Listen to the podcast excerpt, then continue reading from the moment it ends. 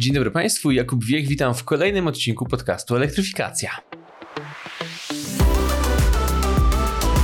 Na początku serdecznie przepraszam Państwa, że ten odcinek nie wyszedł tak jak zazwyczaj w środę. Mieliśmy małe problemy techniczne i po ich zaradzeniu wypuszczamy go teraz, czyli w czwartek. Serdecznie jeszcze raz przepraszam. Mam nadzieję, że to już się nigdy nie powtórzy. Ten odcinek, jak i cały podcast ukazuje się dzięki wsparciu moich patronek i patronów, a także mecenasów, za co serdecznie dziękuję. Dziękuję panu Pysiowi, panu Norbertowi, agencji marketingowej Nie na raz, doktorowi Michałowi Godlewskiemu, Górzny Grup oraz panu Filipowi Rębiałkowskiemu.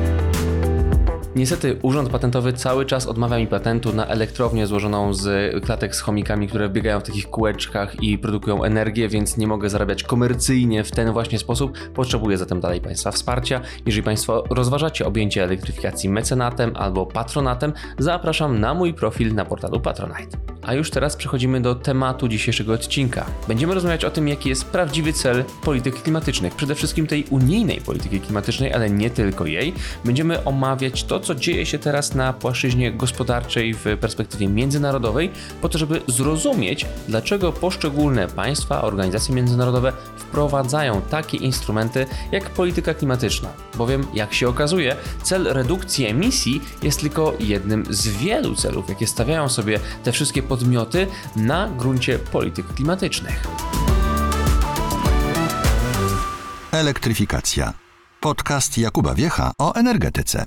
Mili Państwo, pomysł na dzisiejszy odcinek przyszedł mi do głowy wtedy, kiedy czytałem o tym, jak rodziła się pierwsza rewolucja przemysłowa. Ta rewolucja, która miała miejsce w XVIII-XIX wieku, zaczęła się w Anglii, e, potem rozpełzła się na całą Europę i poznając dzieje tej pierwszej rewolucji przemysłowej, dostrzegłem pewne analogie między nią a współczesnością. Współczesnością, która również doznaje takiej rewolucji, rewolucji zasadzonej na gruncie polityk klimatycznych. Ktoś może powiedzieć, no ale jak to? Przecież e, tutaj mówimy o zupełnie dwóch różnych procesach. Ta pierwsza rewolucja przemysłowa to była rewolucja ukierunkowana na spalanie coraz większych ilości paliw kopalnych, przede wszystkim węgla, a ta obecna, którą starają się zapoczątkować takie e, kraje czy podmioty jak e, Stany Zjednoczone czy Unia Europejska, ma cel odwrotny, ma na celu likwidację źródeł emisyjnych i dojście do tak zwanej neutralności klimatycznej.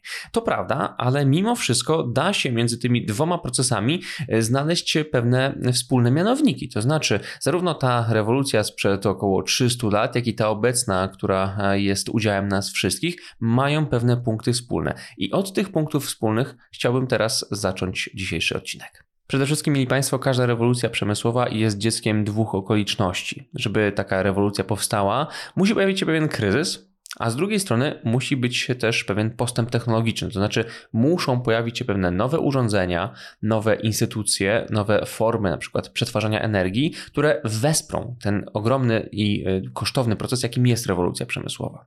Jeżeli mówimy o tej rewolucji, która e, wydarzyła się 300 lat temu, przede wszystkim w Anglii, to na nią nałożyły się właśnie takie dwie okoliczności, jak kryzys, Tutaj mówimy o kryzysie drzewnym, o którym za chwilę szerzej troszeczkę powiem, oraz postęp technologiczny wynikający z takiego wynalazku jak maszyna parowa, ale też z innych form przetwarzania energii, na przykład e, przepuszczonej pod ciśnieniem pary wodnej na energię mechaniczną. Rewolucja, której obecnie jesteśmy świadkami, też ma swoje źródło w kryzysie. Jest to kryzys klimatyczny i oczywiście wspierają też postęp technologiczny. Postęp polegający na tworzeniu bardzo szerokiego wachlarza technologii umożliwiających dojście do neutralności klimatycznej. Ale cofnijmy się jeszcze na chwilę o te 300 lat w przeszłość. W wieku XVII Anglia, która stała się kolebką, ojczyzną pierwszej rewolucji przemysłowej, zaczęła wchodzić w fazę głębokiego kryzysu energetycznego.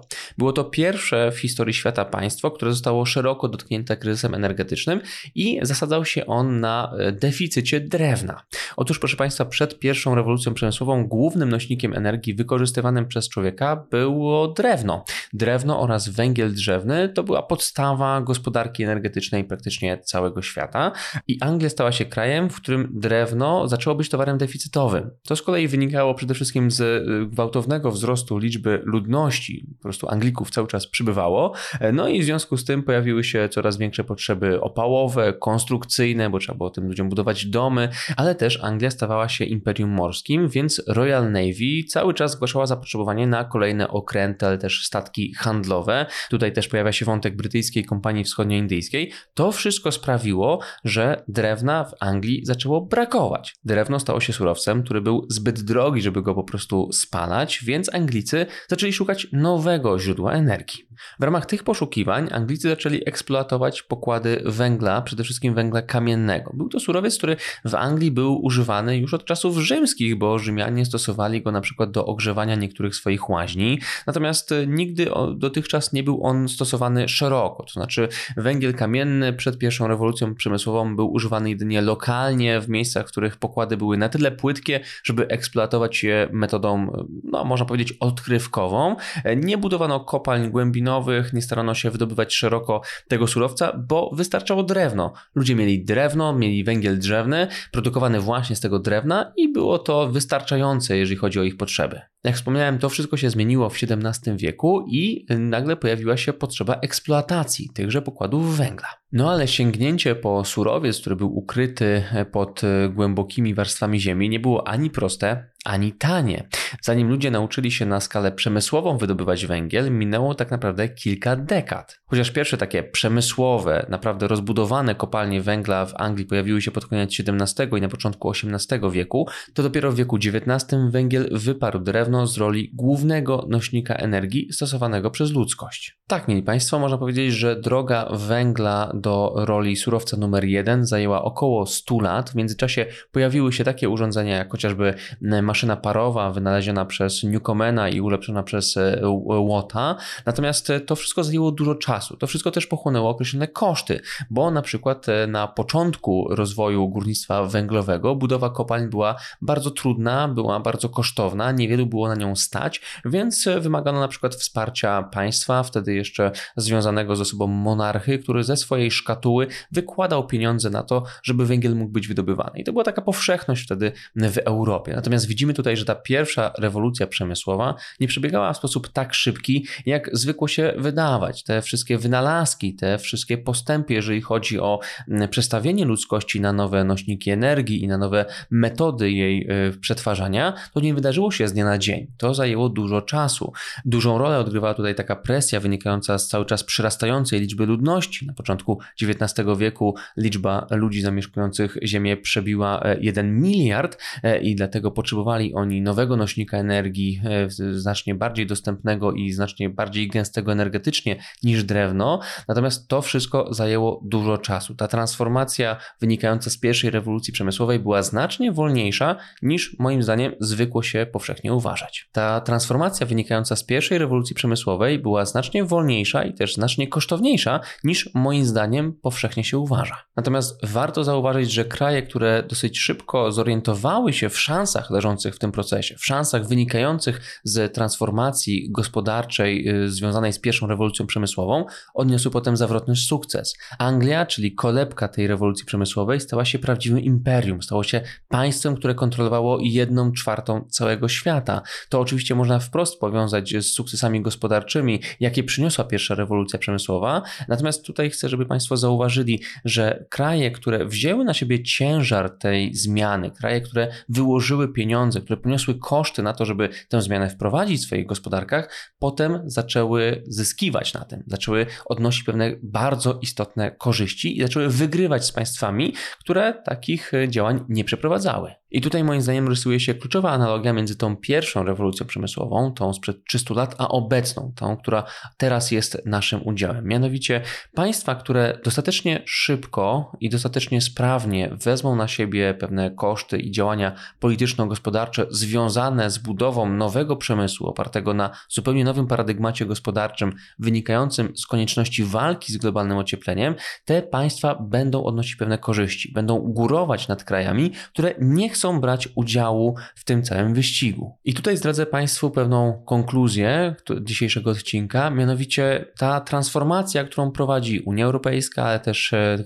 transformacja, którą prowadzą Chiny czy Stany Zjednoczone, to nie jest tylko transformacja klimatyczna. W sensie te wszystkie działania nie skupiają się tylko na redukcji emisji. Powiem więcej, żadne poważne państwo nie prowadzi swojej transformacji klimatycznej tylko po to, żeby ciąć emisje. Mało tego, te cele klimatyczne, te ściśle klimatyczne cele związane z dekarbonizacją, z wyłączeniem paliw kopalnych z gospodarki, to jest często coś wręcz drugorzędnego. To jest e, drugi plan tych wszystkich działań, o jakich mówimy, kiedy myślimy o transformacji klimatycznej. Tak naprawdę prawdziwym celem polityk klimatycznych jest zmiana gospodarcza, polegająca na budowie nowych przewag. Podkreślę to jeszcze raz. Żadne poważne państwo nie prowadzi polityki klimatycznej i całej transformacji z tym związanej tylko po to, żeby ciąć emisję. Za tym zawsze stoi coś jeszcze. Przede wszystkim stoi tutaj chęć budowy nowych przewag konkurencyjnych, chęć budowy nowych możliwości dominacji nad innymi krajami i zagwarantowania swojej gospodarce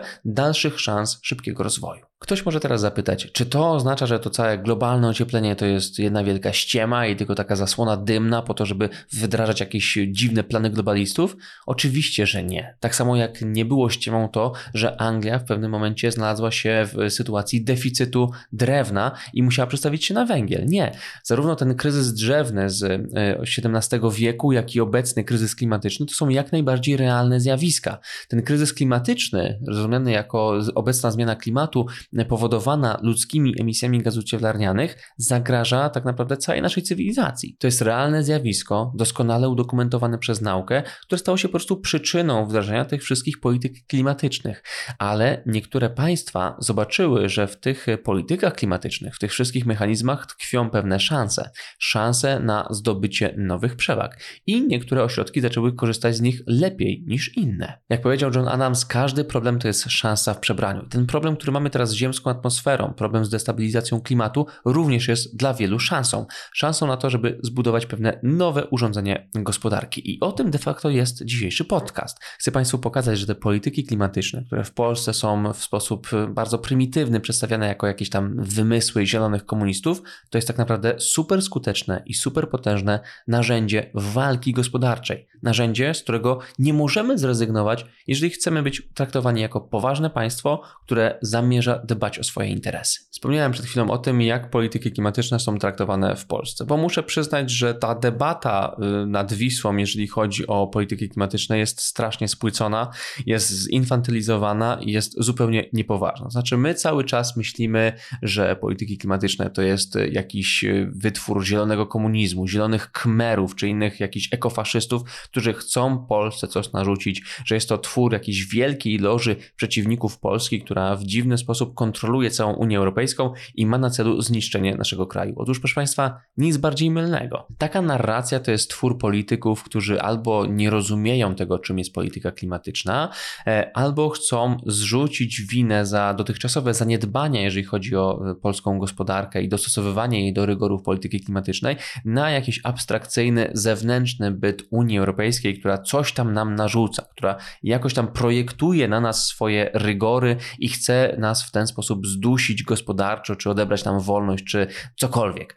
To jest nieprawda, proszę Państwa. To jest po prostu narracja, która zwłaszcza w roku wyborczym może pobudzać pewne emocje wśród społeczeństwa, ale nie ma ona zbyt wiele wspólnego z rzeczywistością. Łatwo jest cały czas mówić, że Unia Europejska coś na nas wymusza, coś nam każe, do czegoś nas y, przymusza, ale znacznie trudniej jest y, powiedzieć w ten sposób, że no, my też jesteśmy członkiem Unii Europejskiej, my współtworzymy Unię Europejską i tak naprawdę od dawien dawna mogliśmy się przystosowywać do tej transformacji, jaką teraz przechodzi Unia, bo wiedzieli, wiedzieliśmy już od bardzo dawna, jeszcze w zasadzie przed naszą akcesją do Unii Europejskiej, że takie kroki będą przez Brukselę podejmowane. Polska miała dużo czasu na to, żeby chociaż trochę dostosować swoją gospodarkę do tego, co teraz nazywamy unijną polityką klimatyczną, ale tego nie zrobiono. Wszystkie ekipy, które rządziły naszym krajem po 2004 roku, poniosły absolutną klęskę, jeżeli chodzi o montowanie pewnych zmian w polskiej gospodarce, zmian potrzebnych do tego, żebyśmy byli odporni na zawirowania związane z polityką klimatyczną Unii Europejskiej.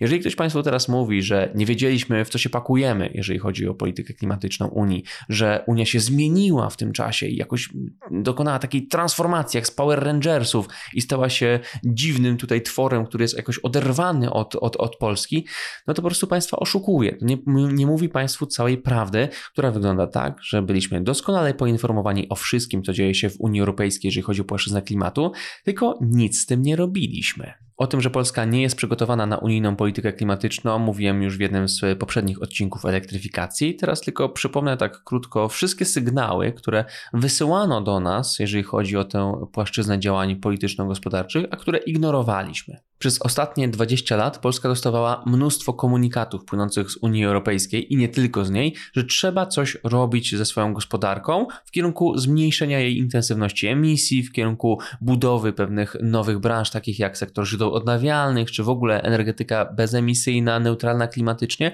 I te wszystkie komunikaty, te wszystkie sygnały były po prostu przez nas olewane. Ale spójrzmy na to, jak wyglądało to informowanie Polski o tym, że coś trzeba robić. Mieli Państwo, już w latach 90. dostaliśmy pewien komunikat polityczny, który mówił, że przyszłość rozwoju gospodarki będzie w pewnej mierze zależeć od tego, czy się będziemy dekarbonizować, czy będziemy zmniejszać nasze emisje, czy nie. Bowiem w 1997 roku podpisano tak zwany protokół z Kyoto, który można nazwać takim, taką protoglobalną polityką klimatyczną. Protokół ten był przez nas, można powiedzieć, lekceważony, ale to jeszcze można zrzucić na karp tego, że w latach 90. Polska, która otrząsnęła się po długich dekadach realnego socjalizmu czy też komunizmu, miała pewne istotniejsze rzeczy na głowie, miała chociażby też wielką powódź, która miała miejsce wtedy w tym samym roku, w którym był podpisany protokół z Kyoto, więc to jeszcze można Polsce wybaczyć, że przegapiliśmy ten akurat sygnał. Ale późniejsze impulsy, późniejsze komunikaty wzywające nas do działania były znacznie bardziej intensywne i dobitne, no i tutaj już nie można sobie szukać wymówki, bo one do nas docierały z pełną mocą, tylko tylko po prostu były przez nasze elity polityczne kompletnie pomijane. Spójrzmy na przykład na rok 2003, tuż przed naszą akcesją do Unii. Wtedy też w Brukseli zapada decyzja o przyjęciu tzw. Tak dyrektywy ETS, czyli dyrektywy ustanawiającej unijny system handlu emisjami. Ten system, który teraz tak bardzo ciąży naszej gospodarki. W ogóle ta sama koncepcja systemu handlu emisjami zrodziła się w Unii Europejskiej jeszcze w roku 1998, natomiast wyewoluowała w postaci dyrektywy w roku 2003, Wtedy też dyrektywa została przyjęta i ona weszła w życie w roku 2005, a więc po wejściu Polski do Unii Europejskiej. W międzyczasie, w roku 2004, dyrektywa została włączona do polskiego porządku prawnego i podczas głosowania w Sejmie dotyczącego tego właśnie włączenia, wszyscy będący na sali sejmowej posłowie, a było ich 390, byli za. Za byli też parlamentarzyści Ligi Polskich Rodzin, czyli ugrupowania, które wykształciło bardzo wielu liderów, jacy teraz kontestują politykę klimatyczną Unii Europejskiej i mówią, że no, nie byliśmy gotowi na to, co teraz robi Unia, nikt nam nie mówił, że tak będzie. Otóż, mieli Państwo, mówiono nam dokładnie, wiedzieliśmy o tym, co robimy i dyrektywa ETS przyjęta przez nas do naszego porządku prawnego w roku 2004 jest tego dobitnym przykładem. Rok 2007. No, to będzie śmieszne. W roku 2007 Unia przyjmuje tak zwany pakiet 20 razy 20 razy 20. To jest coś, co można nazwać podwaliną współczesnej polityki klimatycznej Unii Europejskiej. Ten pakiet przewidywał na przykład cele redukcji emisji na rok 2020 2020, których Polska nie zrealizowała, czy też cel udziału źródeł odnawialnych w miksie energetycznym na rok 2020, który również nie został przez Polskę zrealizowany. Ale mówiłem, że to będzie śmieszne, bo faktycznie wzmianka o tym jest i śmieszna, i straszna. Mianowicie cała dyskusja na temat tego pakietu, cała e, wymowa tego, co zostało przyjęte w Unii Europejskiej, mogła Polsce umknąć, Polsce w rozumieniu elitom politycznym oraz na przykład komentatorom czy dziennikarzom, dlatego że równolegle, prawie równolegle, równolegle z przyjęciem tego pakietu zbiegło się takie dosyć ciekawe e, wydarzenie. Otóż wtedy ówczesny polski minister edukacji narodowej zaproponował na forum Unii Europejskiej, żebyśmy unijnie zakazali promocji homoseksualizmu.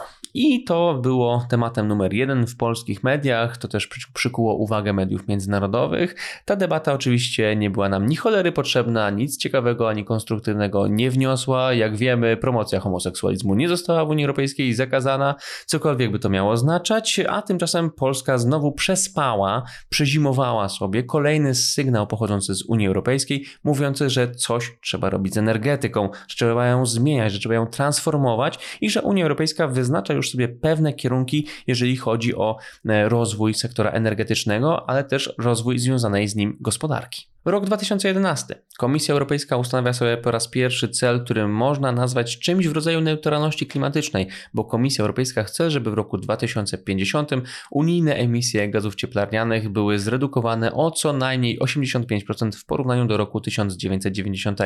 E, co najmniej, czyli od 85 do 95%, więc jest to stan bardzo zbliżony do tego, co nazywamy obecnie neutralnością klimatyczną. I to wszystko działo się w roku 2011, a więc mniej więcej więcej 10 lat przed tym, kiedy Unia Europejska faktycznie zadeklarowała osiągnięcie celu neutralności klimatycznej na rok 2050. Polska zatem miała dekadę na to, żeby zacząć coś robić, zacząć coś zmieniać w swojej energetyce, bo to był naprawdę już bardzo mocny, bardzo jasny sygnał, że Unia Europejska chce ciąć emisje, że chce rezygnować ze spalania paliw kopalnych, że chce odchodzić od tak emisyjnych paliw jak węgiel, że chce zmieniać swoją gospodarkę tak, by obniżać jej ślad klimatyczny.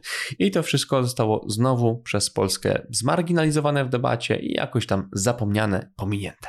Rok 2015. Porozumienie paryskie podpisane m.in. przez Unię Europejską, ale tak naprawdę podpisane przez praktycznie cały świat. E, I to porozumienie zadeklarowało pewne cele w związku z próbą wyhamowania globalnego ocieplenia do poziomu 1,5 stopnia Celsjusza w porównaniu do czasów przedprzemysłowych. To już jest umowa wychodząca poza ramy Unii Europejskiej, pokazująca, że cały świat de facto włącza się w pewne procesy związane z transformacją gospodarczą zmierzającą do dekarbonizacji to również zostało przez Polskę całkowicie pominięte. No i przychodzi rok 2019. Unia deklaruje swoje cele neutralności klimatycznej, mówi też o Europejskim Zielonym Ładzie, mówi o pakiecie Fit for 55.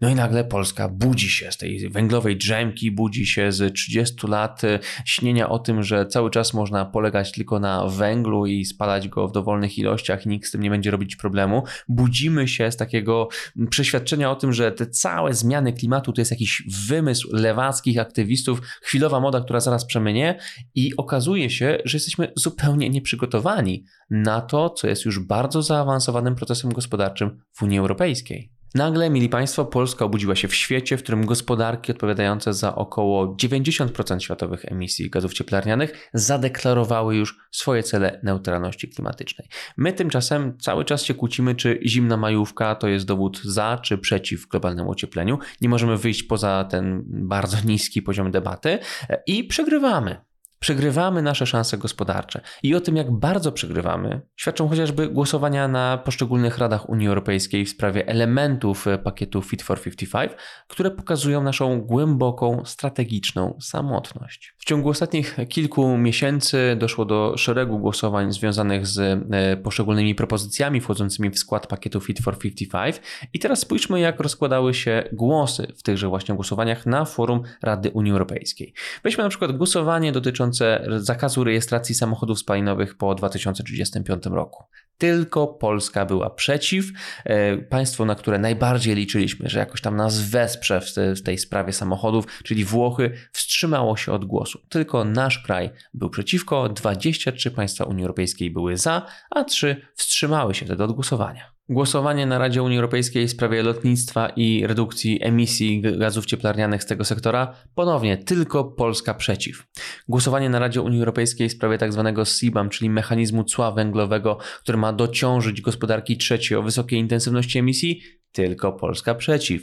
Głosowanie na Radzie Unii Europejskiej w sprawie zaostrzenia celów rocznych redukcji emisji tylko Polska przeciw. Głosowanie na Radzie Unii Europejskiej w sprawie zaostrzenia systemu handlu emisjami. No tutaj Polskę wsparły akurat Węgry, które także były przeciw, ale to niczego nie zmieniło. O tym, jak bardzo jesteśmy samotni, jeżeli chodzi o nasze pomysły na politykę klimatyczną, świadczy też fakt, że Polsce nie udało się zebrać dostatecznie szerokiej koalicji politycznej w Unii Europejskiej, która byłaby w stanie przeforsować pewne korzystne z naszego punktu widzenia zmiany w zakresie systemu handlu emisjami. Polska próbowała zawiesić obowiązywanie tego systemu, czy złagodzić jakoś jego dotkliwość, y, ustanawiając na przykład stałą cenę, ale żeby to było możliwe, potrzebne było wsparcie państw trzecich, państw, które również by się jakoś za naszym interesem opowiedziały, bo na przykład dzielą z nami te problemy. No, ale tutaj kwestia polega na tym, że takich problemów jak Polska, jeżeli chodzi o płaszczyznę polityki klimatycznej, nie ma już żadne inne państwo w Unii Europejskiej.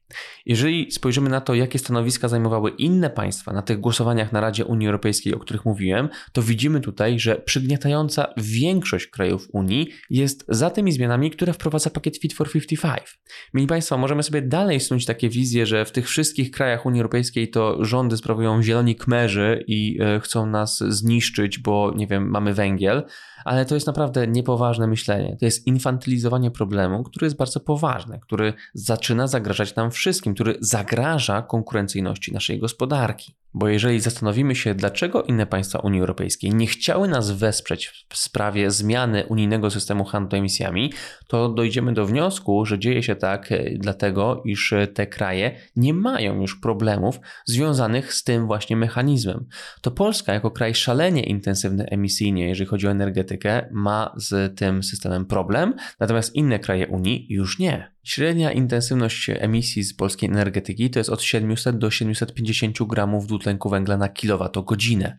To jest trzy razy więcej niż średnia unijna. To znaczy, że Polska potrzebuje trzy razy więcej uprawnień do emisji gazów cieplarnianych, żeby zaspokoić potrzeby swojej energetyki, niż przeciętne państwo Unii Europejskiej. Tutaj leży ten problem. Takich problemów z polityką klimatyczną Unii nie ma żadne inne państwo członkowskie. Nawet w tym gronie takich państw o wysokiej intensywności emisji są w zasadzie poza nami jeszcze tylko dwa państwa Bułgaria i Estonia. Natomiast zarówno Bułgarzy, jak i Estończycy mogą względnie szybko zdekarbonizować swoją e, energetykę, bo to są małe rynki. To są małe rynki energii, które nie wymagają wielkich inwestycji, żeby osiągnąć znacznie niższe poziomy emisyjne. Tymczasem Polska jest dużym państwem Unii Europejskiej. My jesteśmy postrzegani jako piąta gospodarka tej organizacji. Mamy dosyć rozbudowany system elektroenergetyczny i jego dekarbonizacja będzie trudna. Będzie trudna, bo ten proces został odłożony na później, został przepchnięty na kolejne kadencje parlamentu, na kolejne wizje strategii energetycznych i przez to koszty związane z dekarbonizacją polskiej energetyki zaczęły gwałtownie rosnąć. Polska odraczała swoją dekarbonizację między innymi dlatego, że u nas nie rozumiało się i moim zdaniem dalej się nie rozumie, że polityka klimatyczna Unii Europejskiej to jest przede wszystkim polityka gospodarcza. To jest polityka zmierzająca do budowy zupełnie nowego paradygmatu gospodarczego, opartego na prostej zasadzie: kto emituje, ten płaci. Kto emituje dużo, płaci dużo, kto emituje mało, płaci mało. Polska emituje bardzo dużo, więc będzie płacić bardzo dużo, to znaczy będzie ponosić duże koszty swojej emisji. Natomiast państwa, które się lepiej odnalazły w tej sytuacji, które lepiej zidentyfikowały szanse i wyzwania i przygotowały swoje gospodarki do nich, no one nie będą ponosić takich kosztów jak my. I nie, mieli Państwo, nie możemy się tutaj cały czas tłumaczyć, że byliśmy poszkodowani przez długie lata PRL-u, bo kraje, które wchodziły w skład dawnego bloku wschodniego, są teraz znacznie dalej, jeżeli chodzi o zaawansowanie transformacji, niż my. Państwa takie jak Czechy czy Słowacja są o kilka długości dalej przed Polską, jeżeli chodzi o transformację energetyczną. To my jesteśmy zapóźnieni, nie oni. Nasza polska debata na temat transformacji klimatycznej i energetycznej, zarówno Unii Europejskiej, jak i świata, jest naprawdę bardzo płytka, bardzo żenująca w tym swoim wydźwięku i my przez to przegapiamy kolejne szanse. Świat nie będzie na nas czekał, aż się ogarniemy, tylko będzie szedł w swoją stronę i nikt nie będzie zwlekał z przeprowadzaniem zmian u siebie, żeby Polska miała okazję nadrobić swoje własne zaległości. Nie, świat buduje już teraz nowe przewagi konkurencyjne i zaczyna rywalizować na tym właśnie nowym paradygmacie polityki klimatycznej. Mili Państwo, jeżeli zobaczymy, jakie wydatki są teraz ponoszone na rzecz polityk klimatycznych, to dojdziemy do wniosku, że są to już programy niesamowicie zaawansowane. Wystarczy spojrzeć na tylko 2022 rok. Wtedy w samych Chinach wydano na transformację proklimatyczną kwotę prawie 550 miliardów dolarów. Tyle państwo środka przeznaczyło na dochodzenie, na projektowanie swojego dojścia do neutralności klimatycznej. To jest więcej niż Stany Zjednoczone Zjednoczone i Unia Europejska razem wzięte. W tym samym roku Unia Europejska wydała na transformację proklimatyczną około 180 miliardów dolarów, a Stany Zjednoczone 141 miliardów dolarów. Ale to się wkrótce zmieni, bo Unia Europejska odpala swój pakiet Fit for 55, który jest związany także z gigantycznymi transferami pieniężnymi na rzecz transformacji, a z kolei w Stanach Zjednoczonych uruchamiany jest program IRA, IRA, czyli Inflation Reduction Act, to jest ustawa, która została szeroko omówiona w poprzednim odcinku podcastu Elektryfikacja. Teraz powiem tylko tyle, że można ją traktować jako taką rękawicę, rzuconą przez Stany Zjednoczone zarówno Europie, jak i Chinom. Rękawicę, którą można nazwać takim amerykańskim Fit for 55, prowadzącym do tego, żeby Stany Zjednoczone agregowały zarówno nowe miejsca pracy, jak i też rozwoje nowych technologii w zakresie transformacji energetycznej, po to, żeby konkurować zarówno z Europejczykami, jak i z Chińczykami na tej nowej płaszczyźnie, na płaszczyźnie klimatycznej. Tak, mieli Państwo, trzeba sobie to teraz uświadomić. Zarówno Waszyngton, jak i Bruksela oraz Pekin biorą się teraz za łby, prześcigają się w wyścigu o nowe przewagi konkurencyjne na polu polityki klimatycznej i wprowadzają mechanizmy, które mają im te przewagi zagwarantować. Ze strony Europy takim mechanizmem jest chociażby wspomniany już tam CBAM, czyli mechanizm cła węglowego, który ma dociążyć państwa o wyższej intensywności emisji niż ta europejska poprzez takie właśnie cło nakładane na import określonych towarów. To jest coś, czym Unia Europejska chce przymuszać gospodarki trzecie do transformacji, ale też chronić swój rodzimy przemysł. Ostatnio słuchałem wspaniałej dyskusji ekspertów amerykańskich o tym, jak duże pieniądze tkwią teraz w elektryfikacji ciepłownictwa, jak dużo będzie można zarobić na tym, żeby propagować elektryczne ogrzewanie domów, zakładów czy całych miast. E, I no, zderzyłem sobie to z dyskusją toczącą się równolegle na polskim Twitterze, skupioną na tym, czy y, jeżeli ktoś zmarzł w maju, to znaczy, że ta cała polityka klimatyczna to jest jakaś ściema e, wymyślona przez e, oderwanych od rzeczywistości urzędników i było mi bardzo smutno. Było mi smutno dlatego, że mój kraj po prostu przegapia swoje szanse, ignoruje kolejne sygnały i nie dopuszcza do siebie możliwości tego, żeby e, zbudować jakieś własne przewagi konkurencyjne. A nam, Polakom, te szanse jakoś mimo wszystko wpadają do ręki, bo na przykład stworzyliśmy w naszym kraju przemysł bateryjny, przemysł, który plasuje nas jako jednego z głównych producentów baterii na całym świecie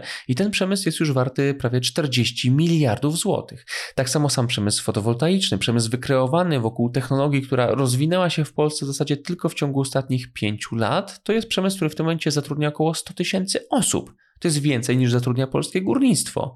I ci ludzie, monterzy fotowoltaiki, firmy, które zajmują się ogarnianiem tych inwestycji, udzielają pomocy przy um, uzyskaniu dofinansowania, to są normalnie pracujący ludzie, którzy odprowadzają podatki, którzy przykładają się do naszego rozwoju gospodarczego. To są ludzie, których miejsca pracy zostały wykreowane ze względu na transformację energetyczną w sposób y, quasi rynkowy w zasadzie, bo polska branża fotowoltaiczna zrodziła się przy minimalnym wsparciu wynikającym z takich programów programów jak na przykład Mój Prąd, ale to kapitał prywatny, to prywatni, mali inwestorzy zadecydowali o tym, że ten sektor gospodarki w ogóle powstał. I to jest taki nasz paradoks, bo widzimy te wszystkie zmiany, potrafimy zauważyć, że co chwilę dzwoni do nas Klara Sobieraj oferując jakieś nowe technologie fotowoltaiczne i dopłaty do tych rozwiązań, a mimo to nie potrafimy dostrzec, że to są właśnie nasze szanse gospodarcze, że ktoś nam tutaj daje możliwości nowego rozwoju. Widzimy drzewa, nie widzimy lasu. Z tego co zauważyłem jako dziennikarz energetyczny, w Polsce znacznie więcej czasu w dyskusjach poświęcamy górnictwu, o którym wiemy, że będziemy je zamykać,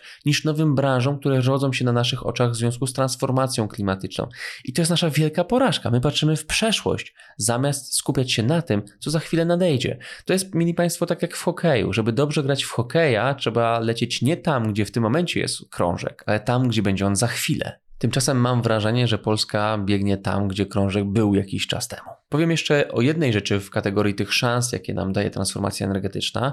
Otóż stworzony przez Unię Europejską mechanizm handlu emisjami dał nam, nam, czyli Polsce, polskiemu budżetowi, bardzo dużo środków na prowadzenie takiej transformacji. To znaczy od 2013 roku do dziś wpłynęło z tytułu sprzedaży uprawnień do emisji do polskiego budżetu oraz rozmaitych funduszy 93 miliardy złotych. Tyle państwo polskie zarobiło na sprzedaży uprawnień do emisji. 93 miliardy złotych. To są, proszę Państwa, pieniądze, które można opisać jako połowa kosztów naszego programu jądrowego, albo 90 programów Mój Prąd, czyli tych programów, które zadecydowały o powstaniu polskiej branży fotowoltaicznej, albo ponad połowa kosztów wynikających z polskiego programu offshore. To wszystko moglibyśmy mieć za te pieniądze. Takich mechanizmów wsparcia w ramach Unii Europejskiej oraz w ramach polskiego budżetu jest jeszcze dużo więcej i można z nich korzystać, żeby uruchomić tę transformację. Tylko pytanie, czy ktoś o tym poważnie myśli? Patrząc na to, jak w Polsce dzieje się transformacja energetyczna, bardzo mi blisko do Joaquina Phoenixa filmu Joker, który mówił, że wszystko co mam to negatywne myśli. Niestety jestem trochę pesymistą, patrząc na to, gdzie przebiega teraz linia debaty, jeżeli chodzi o rozpędzanie polskiej transformacji proklimatycznej, jeżeli chodzi też o identyfikowanie pewnych szans, które leżą tutaj na stole. Boję się, że e, Polska przegapi te szanse. Tylko, że przegapienie tych szans to jest tak naprawdę skazanie nas na no, niekonkurencyjność gospodarczą w latach 30.